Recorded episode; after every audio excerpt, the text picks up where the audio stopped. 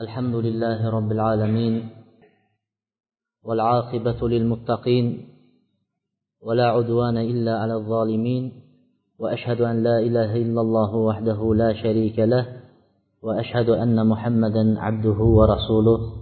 أما بعد السلام عليكم ورحمة الله وبركاته. الله سبحانه وتعالى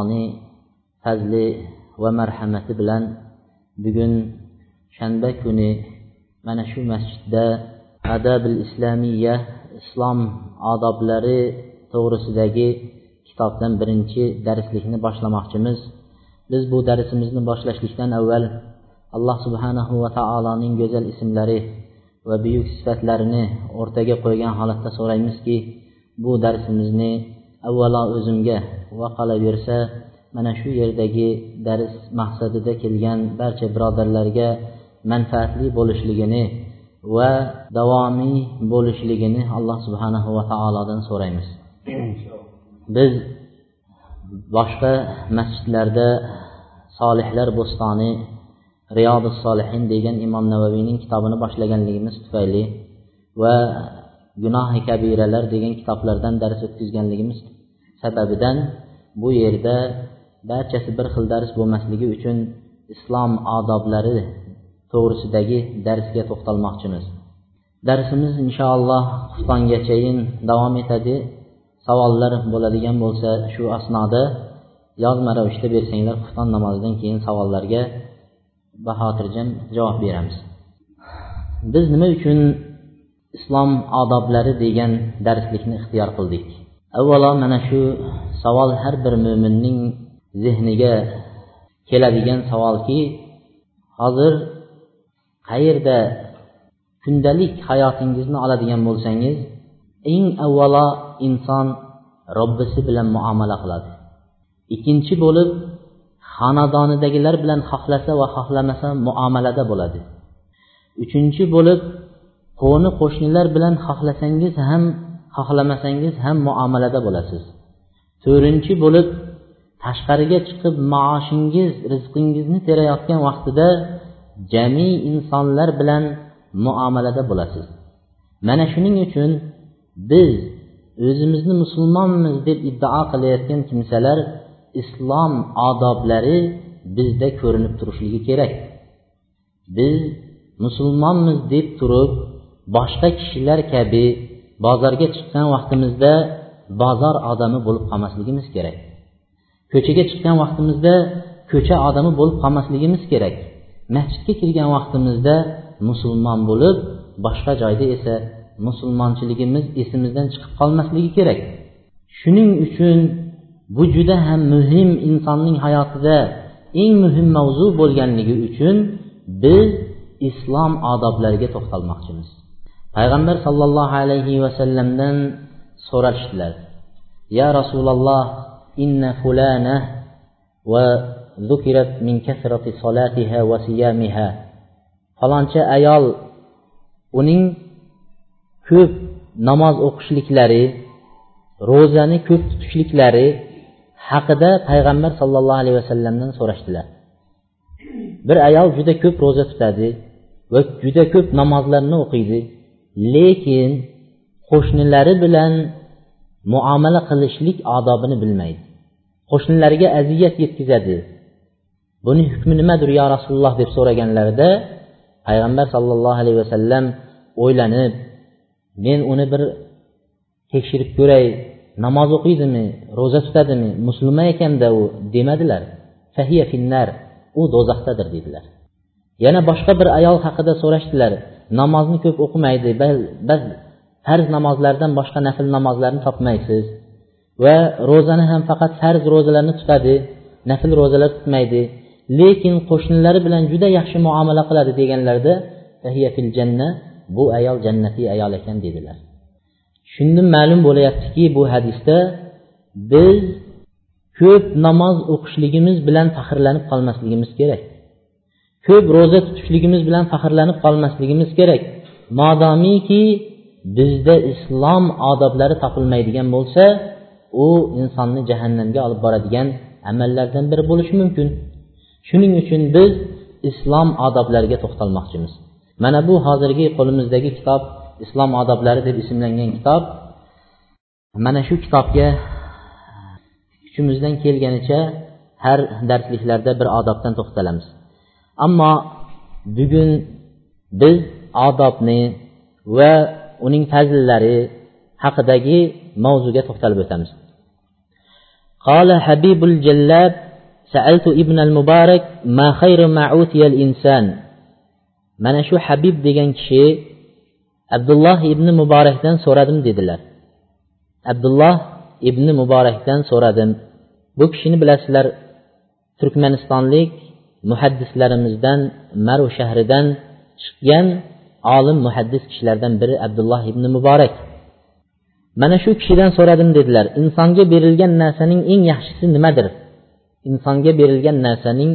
eng yaxshisi nimadir deb so'raganlarida g'aziratu aql dedi.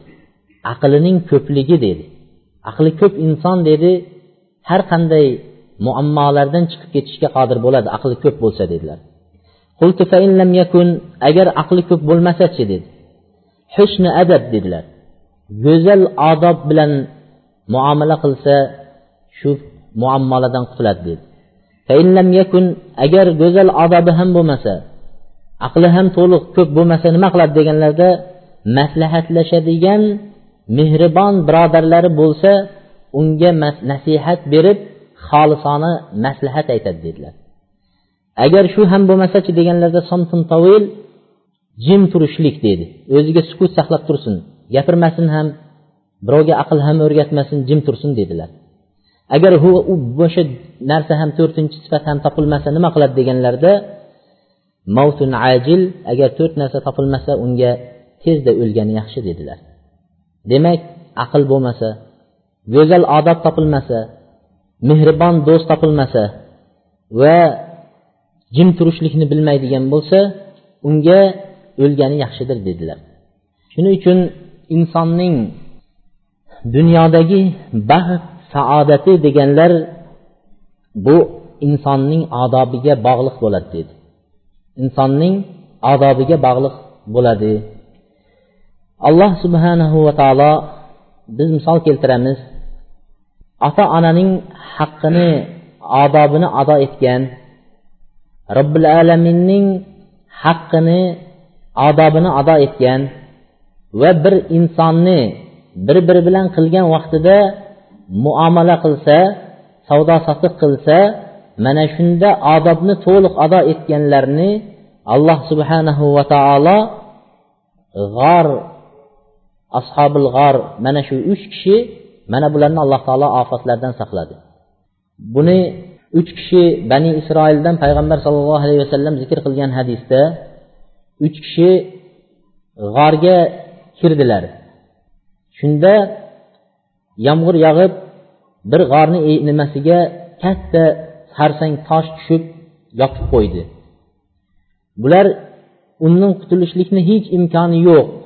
Faqatgina biz solih qilgan amallarimizni o'rtaga qo'yib alloh subhanahu va taolodan so'rasakgina alloh bizga najot bersa qutulamiz deyishdi. Solih amallarni. Shuni bilishimiz kerakki mana shu hadisni shu joyida ahamiyat berishimiz kerak. Inson o'zini hayoti dunyosida qilgan solih amalini o'rtaga qo'yib yo parvardigoro men shunday amalni seni roziliging uchun qildim. Mana shu sababli menga so'ragan narsamni ber deb so'rashlik mumkin ekan. Lekin o'tib ketgan avliyolarni o'tib ketgan o'lgan odamlarni obro'sini o'rtaga qo'yib so'rashlikdan qaytarilgan. Inson o'zi tirikligida qilgan amalini o'rtaga qo'yib so'rasa bo'ladi. Shu o'rinda biz o'zimizni shu kishilarning o'rniga bir solib ko'raylik. Agar shu yerda biz bo'lib qolganimizda hayoti mobaynimizda qilib o'tgan solih amalimizni o'rtaga qo'yib so'ramoqchi bo'lsak solih bir amal topilarmikan hayotimizda? Yo parvardigoro men sen uchun mana shu amalni buyuk amalni qildim deydigan amal bizni hayotimizda topilarmikin? Mana bu uch kishi bularning uchalasida ham shunday solih amal topildi. Bulardan biri aytdiki yo alloh men qo'y boqib uzoq joylarga boraman va shu yerdan kelgunimcha bolalarimni qornlari ochib kutib o'tirishadi. Men qo'yni olib kelganimdan keyin uni sutlarini sog'ib to ota onamga bermagunimcha farzandlarimga luqma ham bermayman undan. Ota onam ichganidan keyin farzandlarimga beraman. Bir kuni qo'ylarni uzoqqa haydab ketdimda kelgunimcha ota onam uxlab qolibdi dedi. Shunda men uni sutini sog'ib to tepasida ota onamni uyg'onguncha kutib turdim. Tong otgan vaqtida ota onam uyg'ondi. Mana shu vaqtda ota onamga sutni berdim va ular ichganidan keyingina farzandlarimga berdim. Agar mana shu amalni seni roziliging uchun qilgan bo'lsam sen biz bo'lib turgan mashaqqat va musibatni ko'targin deganda tosh ozgina ochildida chiqishga imkoniyat bo'lmaydigan darajada ochildi. Demak ota ona bilan bo'lgan odobni mukammal ado eta bilgan ekan o'shalar. Ular o'sha odobni bilishgan. Ota onani odobini haqqini ado etishgan edi. Shuning uchun so'ragan vaqtida alloh taolo ularni bo'lib turgan musibatidan qutqaradigan bir najot berdi. Ikkinchisi ham so'radi u ikkinchisining odobi robbil alamin bilan bo'lgan odob alloh taolo bilan bo'lgan odobni mukammal ado etgan edi. U meni amakimni bir qizi bor edi. Men uni juda ham yaxshi ko'rardim. Qachon bir o'shandan imkoniyat topsam deb yurardimu u o'ziga o'zini menga yaqinlashtirmas edi dedi. Ochlik davrlari bo'lganida mendan pul dirham so'rab keldi dedi. Shunda men berishlik evaziga pulni berishlik evaziga undan imkoniyat toptirishlikni so'radim dedilar. Shunda o'sha narsaga ko'ndi chunki ochlik vaqti edi dedi. Men o'sha holatda bo'lib turganimda u qiz aytdiki ittaqillah allohdan qo'rqqin. Bu uzukni o'zining haqqi bilan olgin deb aytdilar. Shunda men o'rnimdan turib ketdim. Zino amalini fohisha amalni qilmadim. Yo parvardigoro mana shuni seni uchun qilgan bo'lsam biz turgan musibatdan bizni qutqargin dedi.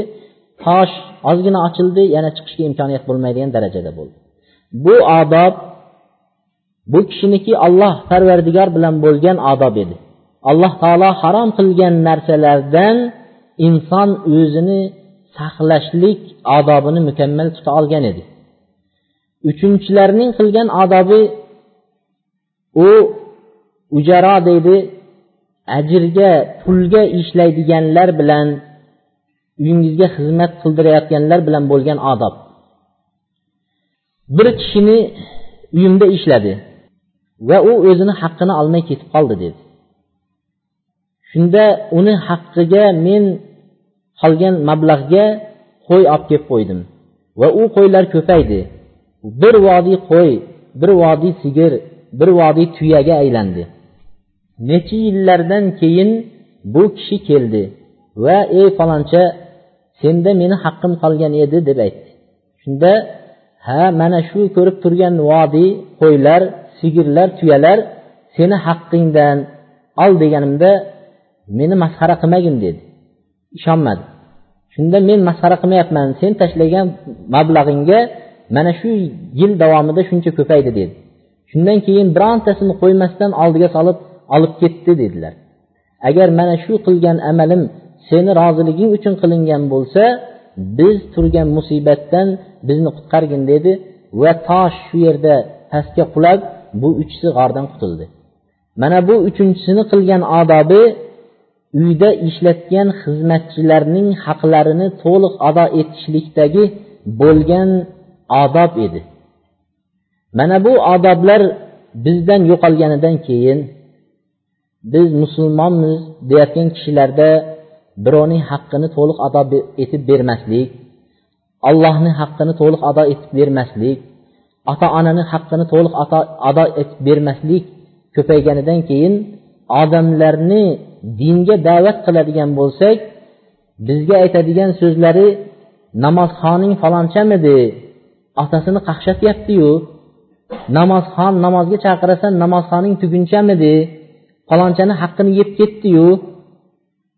Hajga da'vat qilasan hajga borib kelgan falonchamidi uni man bunaqa qilayotganini ko'ryapmanu degan dinga bo'lgan ittihomlar mana shu bizni odobimizni kamligi sababli dinimizga shunday gaplarni olib kelyapmiz. Shuning uchun biz agar odobni to'liq ushlay bilganimizda edi dinimizda mana shunaqa gaplar bizni dinimizga aytilmagan bo'lar edi.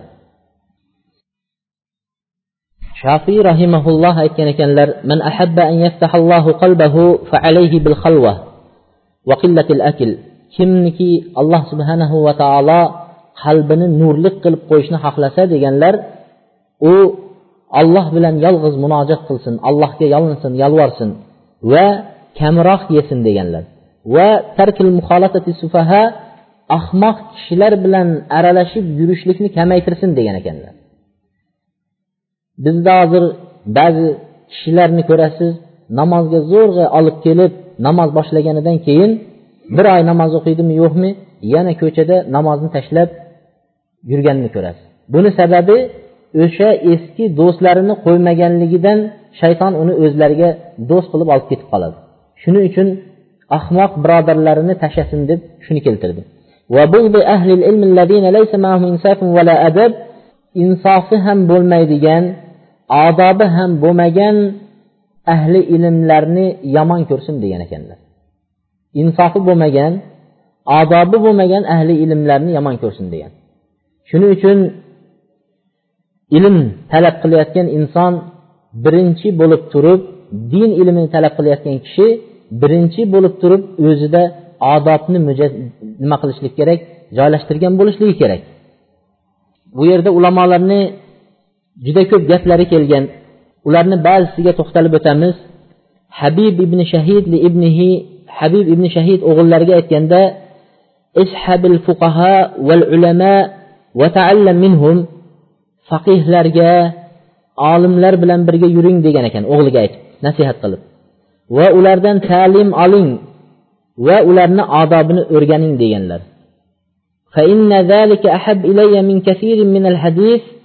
va ularning odobini o'rganishligingiz menga ko'p hadis yodlashingizdan ko'ra yaxshiroqdir deganlar ko'p hadisni yodlab olsayu odobi bo'lmaydigan bo'lsa uni mezonda hech qanaqa qadri bo'lmaydi. Balki u islom shariatimizga dinga bir olib keladigan tosh otiladigan toshga sababchi bo'ladi. Ana olimlaringdan falonchalarmidi deb turib aytiladigan bir so'zlarga sababchi bo'lib qoladi. Shuning uchun ulamolar aytganki siz ko'p hadis olishingizdan ko'ra odobni o'rganganingiz biz uchun yaxshidir dedi. Shuning uchun alloh subhanahu va taolo muso alayhissalom alloh taologa aytdiki seni bir visolingni ko'rsam yo parvardigor deganlarda falon toqqa kelgin deganlar. U muso alayhissalomga ta'lim berishdan avval alloh taolo unga odobni ta'limini berdilar. Odobni ta'limini berdi. Birinchi aytgan gaplari o'sha joyga kelganlarida aytdiki innaka bilvadil muqaddasi tuva fastami' lima yuha innani analloh la ilaha illa ana fa'budni. Alloh taolo birinchi aytgan gapi ixlana alayk ey muso bu oyog'ingizdagi kavushingizni yechib yeching dedilar. Ilm ta'lim oladigan kishi odob saqlashi kerak. Demak o'sha kavushlarni yechirdi alloh taolo. Vahiy qilinayotgan narsaga deydi ikkinchi odob quloqni yaxshilab tutib turishlik. U yoq bu yoqqa qarab dars bo'layotgan vaqtida beparvo bo'lib allohning kalomini o'qilayotgan vaqtda beparvo bo'lishlik bu unga zid bo'lgan narsa. Shuning uchun alloh taolo ta'lim berib turib aytdiki siz sizga vahiy qilinayotgan narsaga quloq tuting dedilarda Ənə ondan keyin Allah Taala təlimini belə başladı. İnnəni ənəllah, la iləhə illənə fəbudni, min Allah mən, menden başqa ilah yox, menge ibadət qılgindir, təvhid kəliməsini öyrətdilər. Namaz oxuyun, Allahını yagana deb bilin deyişdən əvvəl niməni verdilər? Adab öyrətdilər. Adabını öyrətdi Musa aleyhissalamga. Qala ba'du sələf li ibnihi, ya bunəyyə, لأن تتعلم بابا من الأدب أحب إلي من أن تتعلم سبعين بابا من أبواب العلم shuning uchun ba'zi o'tgan olimlarimiz aytar ekanki o'g'illarga qarab ey o'g'ilcham sen odob to'g'risida bir masalani o'rganishliging yetmish masala o'rganganingdan ko'ra yaxshiroqdir deganlar hadisda yetmish masalani ilm bobida yetmish masalani o'rgangandan ko'ra odob to'g'risidagi bir masalani o'rganishliging men uchun yaxshidir dedi. Shuning uchun bu ulamolarning gaplari haq. Ular haqiqatdan ham odobni bilganlar. Shuning uchun ular birinchi odobni o'rganib ana undan keyin ilm olishga harakat qilgan. Bizda buni teskarisi bo'lib ketgan. Biz odob shariat odoblarini o'rganishdan avval broshura chiqqan o'zbekcha kitoblarni qo'limizga olamizda o'qib olamizda bir oydan keyin katta bir olim alloma bo'lib qolamiz. Kelib ta'lim berayotgan kishilarga xatolarini topishga harakat qilamiz. Xatolarini aytib mana bu kitobga to'g'ri kelmayapti biz ham o'qiganmiz domla deb sekin sekin harakat qilamiz. Shunday juda ko'p odamlarni kerak bo'lsa da'vatlarda yurib uzoq uzoq joylarga da'vat qilib yurgan kishilarni shunday ko'plarini ko'rdikki islom odobidan juda orqada qolib ketgan. Eng avvalo islom odoblaridan biri yeyish odobini bilmaydi. Payg'ambar sollallohu alayhi vasallam bekordan bekorga bizga o'rgatmadi o'ng qo'ling bilan yegin. Va o'zingga yaqin joydan yegin bismillah deb yegin deb o'rgatdilar yeyotgan vaqtda inson bismillah deb o'ng qo'li bilan o'ziga yaqin joydan yeydi. Haligi bir oy o'qib olgan kishi odobsiz kishi u da'vat qilib domlalar bilan talashadiyu o'zi chap qo'li bilan yeb o'tiradi. Buni juda ko'p joylarda biz mulohaza qildik. Tahoratxonaga kirishdagi aytiladigan duo odobini bilmaydi. Tahoratxonadan chiqqandan keyin aytiladigan duo odobini bilmaydi. Ayoli bilan bo'lgan vaqtidagi o'qiladigan odoblarni duolarni bilmaydi. Va yana o'zini katta olim ekan deb tasavvur qiladi. Shuning uchun ulamolar avvalgi ulamolar bilan bizni farqimiz ular yetmish hadis o'rganishdan avval bir odob o'rganishlik afzal deb bilishgan. Shuning uchun odobni ko'proq o'rgangan. Biz esa biror bir odobni payg'ambar alayhissalomdan kelgan odoblarni bilmaymizu lekin hadislarni o'qib olamizda uni ma'nolarini ham tafsirlarini ham sharhlarini bilmagan holatda keyin tortishuvlarga sabab bo'ladi. Shuning uchun hozir odamlar hayratga tushib qolgan ajablanib qolgan. Ana domlangiz bunaqa deyapti bunisi bunaqa deyapti qaysinisiga endi yurishimizni ham bilmay qoldik deydi. Mana shuning sababi bizdagi ko'p gapiradigan odamlar ilmsiz va azobsiz bo'lgan odamlarning sababidan mana shu dinimizdan odamlarni biz nafratlantirib qo'yyapmiz. Ulamolar aytadiki agar bilmaydigan kishilar degan dinni to'liq bilmaydigan kishilar sukut saqlab turishganlarida edi dedilar. Ixtilof ummatni ichida kamaygan bo'lardi dedi. Hozirgi kundagi ixtiloflarni ko'ring. Arzimagan masala bilan masjidda bo'layotgan ixtiloflar arzimagan masalalar bilan bir birini yoqasini olishgachayin shunchalik darajada kelyapti. Ammo ko'chada namoz o'qimay yurgan odam bilan esa quchoqlashib bemalol ko'rishadi. Biz namoz o'qimayotgan odamni bemalol quchoqlashib muomala qilib yuramizu lekin masjidga kelib namoz o'qib turgan birodarni esa arzimagan masala bilan yoqasidan ushlab bo'g'ishamiz. Buni sababi biz hali aytganimizdek islom odobini umuman mutlaq bilmaganligimizdan kelib chiqadi. Shofiy rahimaulloh bir kishi bilan din masalasida gaplashdilar. Shunda shofiy rahimaullohni ajoyib gaplari bor. Qachonki men ahli ilm bilan o'tirib bir masala talashadigan bo'lsam albatta unga g'olib kelaman deganlar yengaman deganlar. Chunki ilmi kuchli edi. Lekin bir johil bilan o'tirib masala talashsam men hargiz yengilaman deganlar. Johilga hech qachon tushuntirib bo'lmaydi. O'zi ilmi yo'q hech narsa bilmaydi lekin o'zinikini haq deb turaveradi. Mana bu odobsizlik shariatga bo'lgan allohga va payg'ambariga qur'on va hadisga odob saqlamagan kishining holati shunday bo'ladi. Shuning uchun bu kishi bir kishi bir odam bilan talashgan vaqtlarida aytdiki shofiy rahimulloh aytdilarki bugun talashdilar ertasi chiqsalar masjidda haligi kishi sal boshqacharoq insonni rangidan turishidan yurishidan bilasiz. Boshqacharoq turganlarida shofiy rahimulloh shunday bordilarda qo'llaridan ushlab turib ey birodar assalomu alaykum dedilar. Biz dinda masala aytib bir birimizga tushuntirishligimiz bizni dinda birodarchiligimizdan ajratib tashlashligi kerak emas dedilar. Dinda bir masalani men tushunmagan bo'lsam siz kelib hadisda shu masala bor ekan desangiz alar usini boshimni ustiga deb turib shu masalani qabullashim yo bo'lmasa men aytsam siz qabullashingiz bu bizdagi birodarligimizni masjidning ittifoqligini bir biriga bo'lgan muhabbatni burib tashlashlikka sabab bo'lmasligi kerak. Shayxul islom ibn taymiya rahimaulloh bir kishi bilan masala talashardilar. Doim shu sofiz bo'lgan bir kishi bilan masala talashib u kishi bu shayxul islomga raddiyalar kitoblar raddiya qilib chiqargan edi. Uning nimalariga qarshi qilib kitoblar yozib chiqargan edi. Hattoki shayxul islomni tuhmat qilib uni qamalib ketishigacha sabab bo'ldi. Qamalib ketganlaridan keyin qamoqda o'tirganlarida bir shogirdi keldilar shayxul islomni ziyorat qilishga. Keldilarda abshir ya shayx dedilar.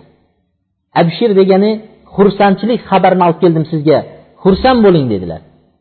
Nima bo'ldi deganlarida ha faloncha sizni qamatgan kishi va sizga raddiyalar yozayotgan kishi vafot etdi o'lim ajal yetdi unga dedilar.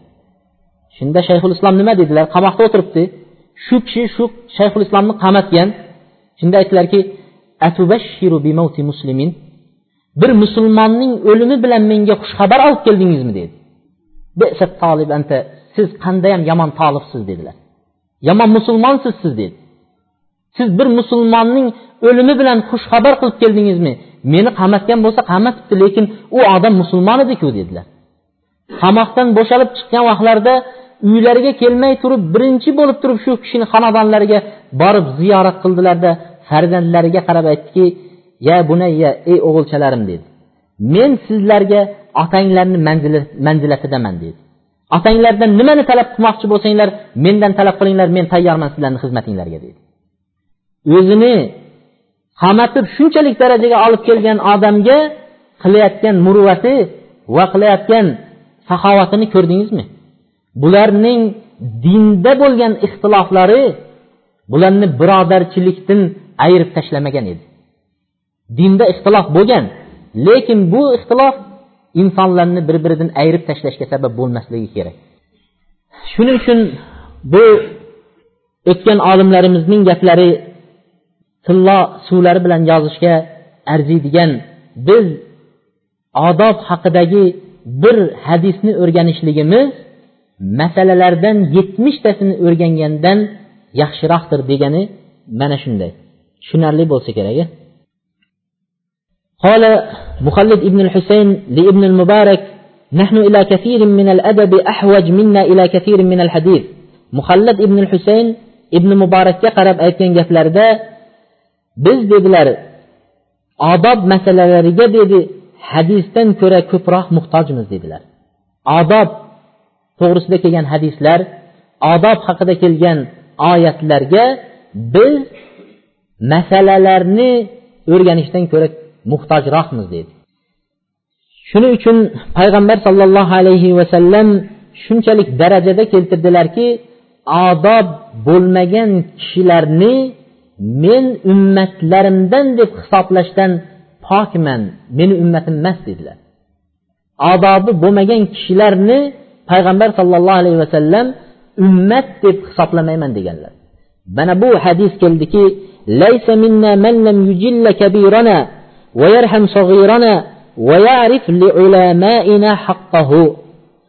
bizni keksa yoshdagilarni hurmat qilmaydigan kichkina yoshdagilarga rahm shafqat qilmaydigan olimlarimiz din olimlarimizga o'zini haqlarini o'rniga qo'yib olimlarni o'z manzilatlariga qo'ymaydigan kishilar ular bizdan emas deydi payg'ambar alayhissalom. Bizdan emas deydi. Endi biz hozirgi kunda bo'layotgan eng katta bir muammoga mushkulaga nazar soladigan bo'lsak yosh yigitlarga nasihat desak bo'ladi. Ozgina kitobni o'qiydi. U ham bo'lsa arab tilida ma'nosini bilishmaydi. Qur'ondan tatalab yarim varag'ini o'qiydi. Keyin o'zini katta olim ekanman deydida katta yoshda kelgan bo'lsa siz nimani bilasiz? O'tiring deydi kattalarga. Kichik yoshda kelganlarni ham ayamaydi. Sen mendan kichikmansan o'tir deydi. Olimlar haqida gapirsa u olim adashgan nimani biladi u olim deydi. Demak bu odam olimga itoat qilmasa kattani hurmat qilmasa kichikni izzat qilmaydigan bo'lsa kimga itoat etyapti bu o'zi? Demak biz shu narsani bilishimiz kerakki e, kattalarni hurmat qilmaydigan yoshlarga rahm shafqat qilmaydigan olimlarimizni o'z haqlarini ado etmaydigan kishilar bizdan emas deydi. Shuning uchun ilm uch tabaqadan iborat deyishdi ulamolar. Ilm uch tabaqadan iboratdir. Birinchi namozga kirgan kuningizni eslang. Namozga birinchi qadam qo'ygan vaqtingizda aytasizki juda adashib yurgan ekanmizda deysiz. Shuncha umrni zoya qilibmiz deysiz. Bu bari lazzat mana shu yerda ekan men butun o'tgan hayotimga tavba qildim deb judayam ochiq qalb bilan alloh taologa iltijo qilasiz. Ilm desa ilm majlislariga intiq bo'lib borasiz. Nima desa dinda qabullaysiz. Mana bu eng yaxshi marhala birinchi marhala birinchi bosqich mana shu bosqich. Ikkinchi bosqich eng rasvo eng yomon bosqich. Ilm martabasi bosqichining eng ikkinchisi. Ikkinchi bosqich bir oy uzog'i uch oy o'tgandan keyin masjidlar sizga tanish bo'lib qoladi. Bu masjidga kirasiz u masjidga kirasiz u darsga borasiz bu dars darslar hammasi tanish bo'ladi. Tanish bo'lgandan keyin uch to'rt o'zbekcha brashura kitoblar qo'lingizga tushadida biror narsa o'qiganday bo'lib shayton sizga kelib aytadiki mana sen endi uch oydan beri o'qib alloma bo'lib qolding endi hech kimga so'z bermasdan gapirishga haqlisan deydi. O'tirgan majlisda olim kelami boshqa kelami unga gap bermay iloji boricha o'zingizni ko'rsatishga harakat qilib biror masalalar chiqarib talashib o'sha masalalarda birovni yengib chiqishga harakat qila boshlaysiz. Mana bu eng rasvo bosqich. Bu shayton bilan birga do'st bo'lgan kishilarning ilmi shunaqa bo'ladi. Uchinchi bosqich ilmni o'n yillab yigirma yillab o'qiganingizdan keyin keyin men bu ilmni oxiriga yetolmas ekanman. Men o'qigan narsa dengizga bir qatra suv tomizilgancha narsani oldim deysiz. Hech narsa o'qimabman deb o'zingizni ojiz ekanligingizni bilasiz mana bu uchinchi bosqich olimlar bosqichi bo'ladi. Shuning uchun ba'zi ulamolar bir arab tilida misol keltirgan. Dahaltul jamiata jahilan mutavodi'a va kharajtu minal jamiati jahilan mutakabbira degan. Men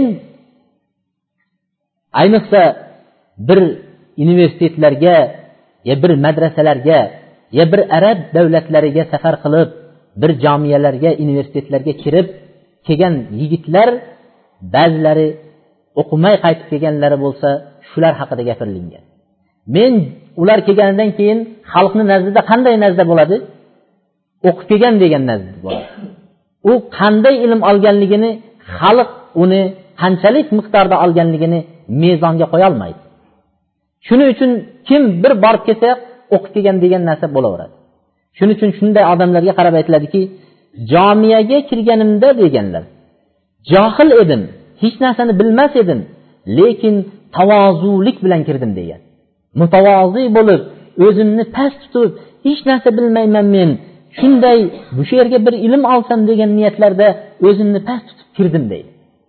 Jomiyadan chiqqan vaqtimda bitirib deydi shu johilligimcha qoldim hech narsa olmadimu lekin mutakabbir bo'lib chiqdim deganda. Ha desa bizda diplom bor falon joyni diplomi sizda nima bor deydi. Mana shu gapni ayta biladi xolos lekin shariatdan hech narsani bilmaydigan holatda chiqdim deganda. Mana bu mana shunday odamlarning misolini keltirishgan. Ulamolarning haqqini haqqidan yana biri olimlarni hurmat qilmaganlar o'z manzilatiga qo'ymagan kishilar bizdan emas dedilar payg'ambar alayhissalom biz hozir o'zimizni holatimiz bilan olimlarning holatlariga nazar solamiz عن معاذ بن سعيد قال كنا عند عطاء بن أبي رباح فتحدث رجل بحديث فاعترض له آخر في حديثه فقال عطاء سبحان الله ما هذه الأخلاق ما هذه الأخلاق إنني لأسمع الحديث من الرجل وأنا عالم به فأريه أنني لا أحسن منه شيئا bir kishi aytyaptiki muaz ibn said degan kishi ato ibn abi raboh degan tobeinlardan bo'lgan eng katta olim kishi shuni huzurida o'tirgan edik dedilar bu ato ibn raboh davrini eng olimi unga yetadigan olim chiqmagan makkada kabada dars bergan kishilardan biri mana shu kishining huzurida o'tirgan edim dedilar Shunda bir kishi bir masalani aytdi. Boshqasi esa darrov turdida yo'q bu masalaga bunaqa javob bo'ladi deb turib darrov haliginga nima qildi? Ko'pchilikni orasida mahmadonachilik qildi. Darrov javob berdi. Shunda ato ibn abi raboh aytdilarki subhanalloh subhanalloh bu qanday axloq? Bu qanday axloq? dedilar. Shu ham axloqmi? dedilar. Men dedilar. Ato eng katta muhaddislardan. Men dedilar bir kishidan bir hadis aytadi menga dedilar.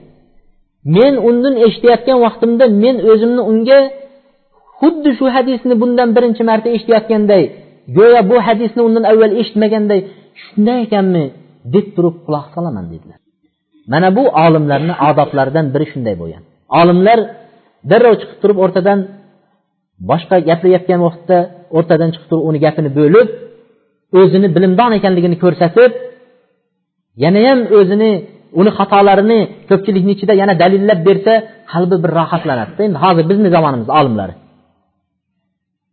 Lekin bir majlisda o'zini xatosi aytilib qoladigan bo'lsa juda hijolat bo'lib shu kuni shu xatosi haq bo'lsa ham qabullagisi kelmay borib kitob siytadi kitobni axtarib iloji bo'lsa o'shanga bir javob topib borsam deb boradi. Mana bu umuman biz dinimizda axloqsiz ekanligimizga dalolat qiladi. O'zimizni ilmimizni esa odamlarga ko'rsatish uchun alloh uchun emas odamlarga ko'rsatish uchun o'qiganligimizga dalolat qiladi. Mana shu narsalardan saqlanish kerak. Bir ilm oladigan bo'lsangiz qo'lingizga bir kitob oladigan bo'lsangiz mana bu narsalarni o'qigandan keyin bir oydan keyin olim bo'lib ko'chada masjidda u yerda bu yerda talashilmasligi kerak. قال وكان القاضي أحمد بن إبراهيم بن حماد المالكي مع كونه كبير القضاة إلا أنه كان يتردد إلى إمام أبي جعفر الطحاوي الحنفي. من أبو قاضي أبو جعفر الطحاوي الحنفي طحاوي حنفي mazhabida tahoviy aqidasini yozgan kishilardan biri abul iz al hanafiy bo'lgan abu jafar mana bu kishi o'zini zamonasida olim bo'lishiga qaramasdan lekin qozilik hukm chiqarish martabasida boshqa bir kishi bo'lgan. Boshqa bir kishi. Uning ismlari ahmad ibn ibrohim degan kishi bo'lgan. Bir kuni bu kishi qozi abu jafarni huzurlariga kelib kitoblaridan bu kishi yozgan kitoblardan ta'lim olib turadi. Uylariga kelib ta'lim olib turadi. Shunda ikkisi o'tirgan vaqtida bir kishi kelib qoldilarda masala so'radi. masala so'raganlarida abu jafar hozidan ko'ra ilmi kuchli lekin shu yerda nima qildi men aytdik bu kishi aytdiki men bu masalada dedilar bu masalada قال له التحاوي مذهب القاضي أيده الله كذا وكذا dedilar bu masalada hozilarimiz hazratlarining fatovolari mana shunday mana shunday bo'lgan deb aytdilar shunda haligi kishi keldi aytdiki men qozining fatvosini so'rash uchun sizni huzuringizga kelmadim dedi. Men sizni shaxsiyan fikringizni bilmoqchiman shu masalada dedi. Deganlaridan keyin ham aytdilarki yo'q bu masalada qozi hazratlarining fikrlari mana shunday mana shunday dedilar. Ana undan keyin qozi aytdiki boya abu nimaga jafarga sahoviyga aytdilarki siz o'zingizni fikrlaringizni ayting deganlarida mana endi qozi hazratlari izn bergan ekanlar men bu masalada o'zimni fikrimni va dalillarimni aytaman deb turib ana undan keyin dalillarni keltirdilar. Va shu masalaga fatvo berdi. Haligi kishini hurmat ehtirom qilib bir masalada boshqa narsani bu kishi boshqa fikrda bo'lsa ham lekin men bunda mana shunday meni dalilim manaqa manaqa men qozini bir tiyinga olmayman bu yerda meni dalilim turibdi oldimda degan masalani aytmadi. Bu masalada hazrat qozini fikrlari mana shunaqa dedilar. Ixtilofga olib bormaydigan yo'lni tutdilar. Va u kishini hurmatlarini o'sha ahli ilmni adobini o'z o'rniga qo'ydi. Misol abdulloh ibn abbos bilan e, usmon roziyallohu anhu bilan abdulloh ibn masudning mazhablari hajda ikki xil bo'lgan. Hajga borgan kishi e, nima qiladilar? E, qasr qilib o'qiydi. Bu o'sha nimani mazhablari bo'yicha e, usmon roziyallohu anhuni mazhablari bo'yicha. Lekin abdulloh ibn masudni mazhablari bo'yicha qasr qilmaydi deydi. To'liq o'qiydi deydi. Minoda turgan vaqtida. Minoda peshinni ikki rakat o'qiydi. Bu kimni fikri bo'yicha? Usmon roziyallohu anhu bo'yicha. Abdulloh ibn masud esa nima qiladi dedilar? To'liq o'qiydi dedilar. Lekin shogirdlari bilan kelgan vaqtida usmon roziyallohu anhu namozda turganlarida abdulloh ibn masud qo'shildilar. Qo'shildilarda keyin namoz ikki rakatdan keyin salom berib turib ketdilar. O'zlari to'liq o'qiydi deganlar. To'liq o'qish uchun yana ikki rakatni nima qilish kerak? Ziyoda qilish kerak edi. Qilmadilar. Shunda shogirdlar aytdiki bu nima qilganingiz? Taqsir dedilar. A siz bizga to'liq o'qiydi deb o'rgatdingiz. Bu yerga kelgan vaqtda dedi bu ikki rakat qilib ketdingizu deganlarida biz dedilar bu modomiki shu imom o'tyaptimi uni dalili bormi biz shunga iqtido qildikmi dedilar biz shuni mazhabida bo'laveramiz dedi. Biz ixtilof chiqarmaymiz deganlar. Bir imom dalili bilan masalani yechyaptimi biz shu imomga iqtido qilamiz va biz o'zimiz bilgan dalilni olib kelib mana dalil men uyga borib men kitobni olib kelay deb turib bir kitobni ko'tarib uni oldiga kelishni hojati yo'q.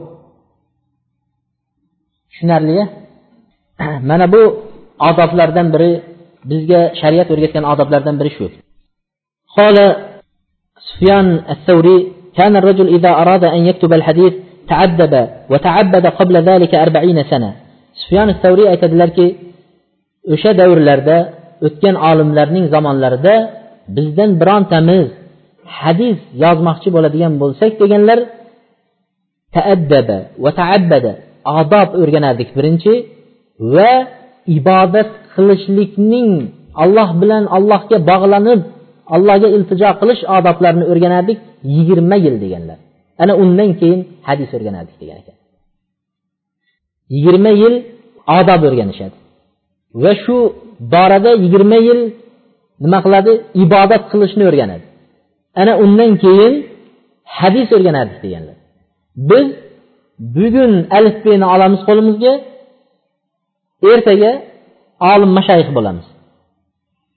Odob uxlashlik odobini ayting desak hozir shu yerda ko'pchilik hijolat bo'lib qoladi. To'g'rimi? Tahoratni odobini ayting desangiz yana shunday. Shuning uchun biz odoblarga juda ham muhtojmiz. Shariatimiz o'rgatgan odoblarga juda ham muhtojmiz. عن أبي هريرة أن رسول الله صلى الله عليه وسلم قال قال الله عز وجل من عاد لي وليا فقد آذنته بالحرب أبي هريرة رضي الله عنه aytgan hadislarda kim mening do'stlarimga dushmanlik qiladigan bo'lsa dedilar men unga urush e'lon qilaman dedilar shunda imom molikning gaplari va abu hanifa rahimaullohning nomon ibn sabitning gaplariga asosan bu ollohning do'stlari ular ulamolardir degan ekan. Olimlar allohni do'stlaridir degan. Kim qaysi olimlar haqida qaysi ahli ilm haqida gapiradigan bo'lsalar ularni xatolarini aytib ko'pchilikni ichida fosh qilib ana shunday qiladigan bo'lsa bularga degan ekanlar alloh subhana taolo men urush e'lon qilaman degan. Malik ibn dinarning aytgan gaplari bor. Kafa bil mar'i sharran an la yakuna salihan wa huwa yaqa'u fi salihin bir kishining eng badbaxt ekanligiga kifoya qiladi degan. Bir kishini eng badbaxt yaramas inson ekanligiga kifoya qiladi. O'zi solih bo'lmay turib solihlar haqida gapiradi degan.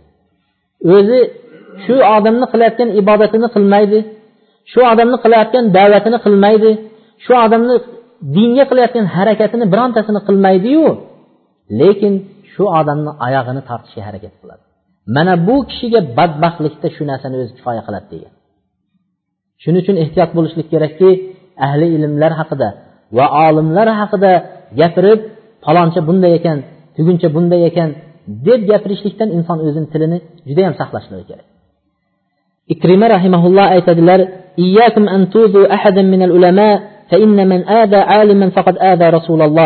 sizlar olimlarga aziyat yetkazib qo'yishlikdan ehtiyot bo'linglar.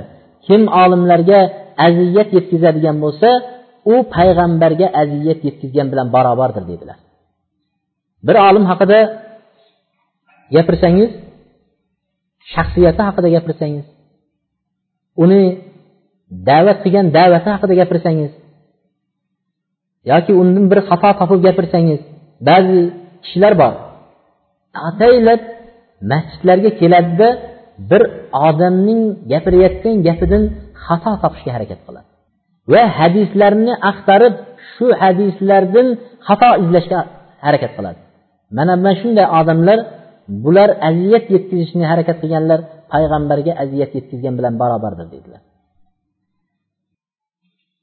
Ikkinchi odoblardan olimlarning va ilm talab qilishdagi odoblardan ikkinchisi alloh subhanahu va taolo bizga o'rgatgan odob. Alloh taolo qur'onda aytdiki ahli kitoblar bilan ahli kitob nasoro va yahudlar bilan talashgan vaqtingizda dedilar.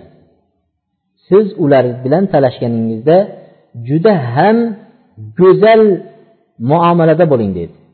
Eng go'zal talashni eng go'zal uslubi bilan talashing dedi. Hasan demadilar yaxshi uslub demadilar. Ahsan bu ortiqroq yaxshilikni ifodalaydi. Ismi tafzil deyishadi. Ortiqroq juda ham qo'lingizdan kelgan eng oxirgi yaxshi muomalada bo'lib talashing deydi. Modomiki deyishadi ulamolar agar biz ahli kitoblar bilan shunday muomalada bo'lsak talashgan vaqtimizda mo'min musulmonlar bilan talashganda qanday holatda bo'lishimiz kerak deganlar. Bizning hayotimiz hozir odob bobida gapiryapmiz biz mo'minlar bilan shunday eng yomon talashda talashamizda ahli kitoblarga borgan vaqtimizda eng go'zal xulqimizni ko'rsatishga harakat qilamiz. Mo'minlarga eng yomon xulqimizni ko'rsatishga harakat qilamiz. Ikki odamni bir masalada talashib qolganini ko'ring masjidda. Mana bu ikki odam ikkisi ikki yoqqa burilib ketadi. Ba'zilari shu masjidda namoz o'qimaganim bo'lsin deb qasam ham ichib ketadi. Mana bu eng rasvo holat. Bizga shunday buyurgan. alloh taolo eng go'zal talashlikni aytdi عن مسلم بن يسار قال إياكم والمراء فإنها ساعة جهل العالم وبها يبتغي الشيطان زلته muslim ibn yasar aytgan ekanlarki sizlar talashishlik degan narsadan saqlaninglar degan o'qib olib bir narsa eshitib olib o'sha narsani talashish uchun biz o'rganmaymiz biz o'qigan ilmimizni alloh uchun o'rganamiz Biz eshitgan ilmimizni alloh uchun o'rganamiz xonadonimizga kelib tadbiq qilish uchun o'rganamiz. Hozirgi kunda talashayotgan kishilarni juda ko'plarining xonadoniga bir nazar soling. Agar shu kelib masjidda talashayotgan kishini ayoliga qarasangiz yo ayoli namoz o'qimaydi yo o'g'li namoz o'qimaydi yo kelini namoz o'qimaydi yo bo'lmasam ko'pchiliklari hijobsiz yurgan xonadonlar bo'lib chiqadi. Yoki bo'lmasa ba'zilari esa butkalar ochib olib aroq sotib turgan butkalarni egalari bo'lib chiqadi. Mana bular kelib masjidda ahli ilmlar bilan talashadi. Bu nima degan gap? Endi biz sizlar talashish degan narsadan saqlaning dedilar payg'ambar alayhissalom. Chunki talashishlik olimning eng jaholatda bo'lib turgan soatlaridan deb hisoblanadi dedilar. Ilm ahlini eng jaholatda bo'lib turgan toatlardan biri talash dedi. Chunki shayton mana shu vaqtda uni adashtirishlikni umid qilib turadi degan ekan. Adashtirishlikni umid qilib turadi. Haqiqatdan ham bir odam bilan talashadigan bo'lsangiz u odam sahih payg'ambar alayhissalomdan vorid bo'lgan hadisni mana rasulullohdan shu hadis kelibdi desa hadisingni boshingga ur deydi. Men deydi broshura kitobni yonimdan chiqaradi mana bu kitobda ko'rganimni amal qilaman deydi. Nimaga? Izzati nafs o'zining nafsini alloh uchun sal tushirib durust shu hadis kelibdi men olaman degisi kelmaydi. Shuning uchun aytganki agar bir nodonni ko'rsangiz degan siz bilan talashmoqchi bo'lib turgan bo'lsa agar u siz aytayotgan hadisni qabullayman deydigan bo'lsa unga ayting. Agar qabullamaydigan odam bo'lsa siz unga gapirmang degan ajuriy rahimaulloh chunki degan unga siz hadis keltirasiz bu odam shu hadisni nafsi uchun inkor qiladida shuni inkor qilganligida gunohkor bo'ladi. Siz shunga sabab bo'lib siz ham gunohkor bo'lasiz degan. Shuning uchun eng olimning adashadigan vaqti talashayotgan vaqti. Va shuningdek odamlarning barchasi hozir bizni shu diyorlarimizda nima qilishadilar? Kichkina bir kitoblarni ushlab olib kelib turib talashlikka sabab qiladi. Va ko'p tafriqalar va ko'p yomon bir birini yomon ko'rishliklarga olib keladigan amallar qiladi. Ma'ruful karhi aytganlar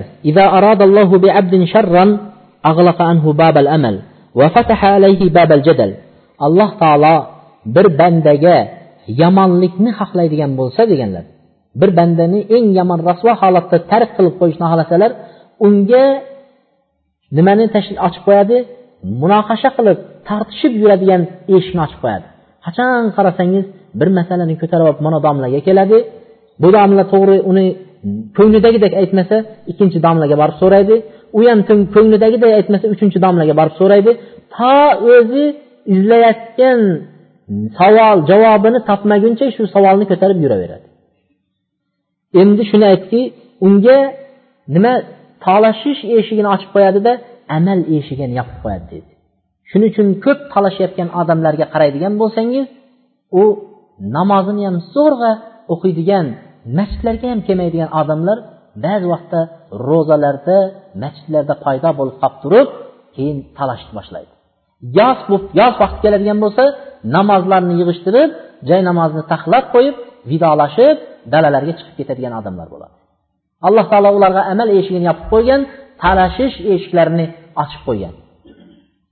bular hech qachon najot topmaydigan bir toifalardandir عن جعفر بن محمد قال إياكم والخصومة في الدين فإنها تشغل القلب وتورث النفاق جعفر بن محمد aytganlarki sizlar dinda husumatlashishlikdan dinda talashishlikdan saqlaninglar chunki bu qalblarni bir birlariga qo'pollashtirib yuboradi bir birlaridan qalblar uzoqlashib ketadi bir birlarini birodar degisi kelmaydi bir safda tursa ham bir birlariga yomon ko'z bilan qarab turadigan bo'lib qoladi va bu shu bilan birga nifoqni munofiqlikni meros qilib qo'yadi deganlar munofiq bo'lib qoladi inson deganlar ko'p talashadigan kishilar shunday holatga tushib qoladi عن ابن عمر رضي الله عنه ومن خاصم في باطل وهو يعلمه لم يزل في سخط الله حتى ينزع kim botil narsada talashayotgan bo'lsa deganlar juda ko'p odamlar o'zi talashib turgan narsani botil ekanini yaxshi bilishadi. O'zi olib kelib talashayotgan narsani botil ekanini biladi. Qur'onni olib kelganingizdan keyin hadisni olib kelganingizdan keyin barcha narsani olib kelganingizdan keyin endi o'zini nafsi uchun fatavo izlayotgan bir kishi bo'lib chiqadi. Yaqin kunlarda bir kishi muzikani harommi halolmi? deb so'radi. Siz nima deysiz dedim. Degan edim juda ko'p domlalar harom deb aytdi dedi. Lekin dedi men shu yo'l bilan maosh rizqlanyapman dedi. Men aytdimki sizga men oyat va hadislardan dalil keltirmayman. Siz endi shu yo'ldan pensiyaga chiqib bu ishni tashlagandan keyingina qabullaysiz dedi. Ungachayin oyat hadisni qabullamaydi durustmi desam to'g'ri aytding dedi. Ularga oyat hadisni dalillab mana harom ekan mana halol ekan deyishlikka hojat yo'q. Chunki u o'zini nafsidagi narsani tashlay olmaydi. To o'zini nafsidagi narsani topgunicha domlama domla aylanib yuraveradi. Shuning uchun aytdiki sizlar botil narsada talashmanglar. Yaxshisi shu narsa xato ekan deb indamay bo'ysunib birov bilan talashmasdan o'tgan eng yaxshisi. Botil narsada talashadigan bo'lsanglar uni o'zinglar shuni botil ekanligini bilib turib talashadigan bo'lsanglar sizlar to shu narsani tashlamaguninglarcha allohning g'azabini tagida turasizlar degan. Alloh taolo shu odamga shu amalni sen botil narsada talashyapsan deb g'azab ko'zi bilan qarab turar ekan. G'azabini tushirib turar ekan. U odam agar shu holatda o'ladigan bo'lsa allohning g'azabiga uchragan holatda o'ladi. Shuning uchun ehtiyot bo'lishlik kerak. Talashayotgan odamlar xato masalalarda ko'tarib kelib talashishlikni to'xtatishligi kerak. Va min al adabi an la yasal fil masail allati la faidata fihi va yakthur fihi al ghalat va olimlar bilan fatvo so'rayotgan vaqtda to'rtinchi yoki uchinchi odoblardan biri ko'p foydasi bo'lmaydigan masalalarni va u ko'p xatolar uchraydigan masalalarni ushlab olib turib shu masalalarni yigirma yildan buyog'iga so'rab yuraverishlik ham bu odobga to'g'ri kelmaydi. Bularga bizlar misollarni keltiramiz. Biza o'shanga misol keltirib o'tamiz. Avzaiy rahimulloh aytgan ekanki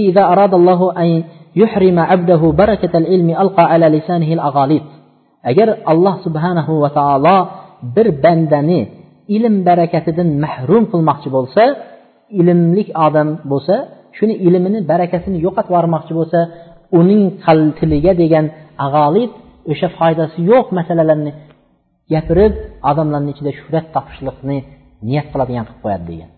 Misol uchun bir masalalar keladi o'sha masalalar bizni xalqimiz eshitmagan masalalar bo'lib chiqadi. Shu masalalarni mana hadisda kelgan ekan nimaga shu kungacha domlalar shuni aytmayapti? Men hadisni aytyapman bunga kim qarshi chiqa biladi deb turib hadisni ko'tarib chiqish ham bu noto'g'ri hisoblanadi.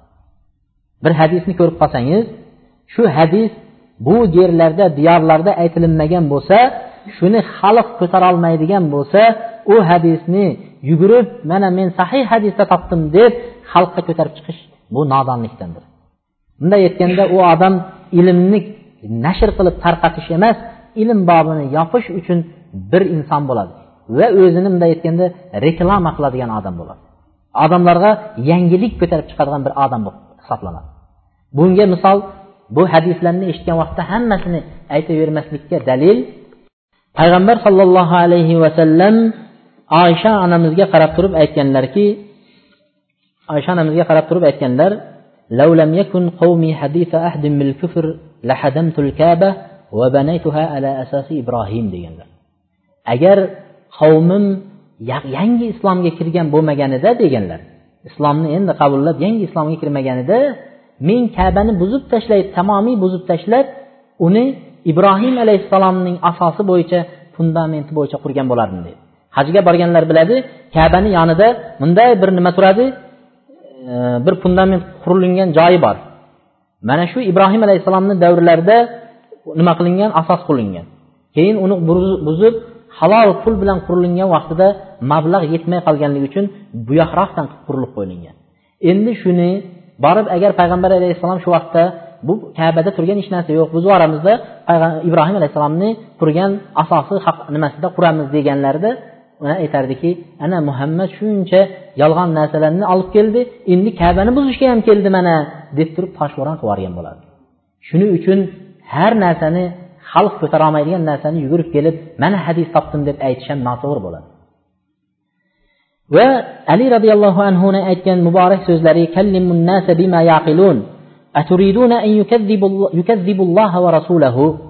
odamlarga aqllari ko'tara biladigan hadislarni aytinglar rivoyat qilinglar.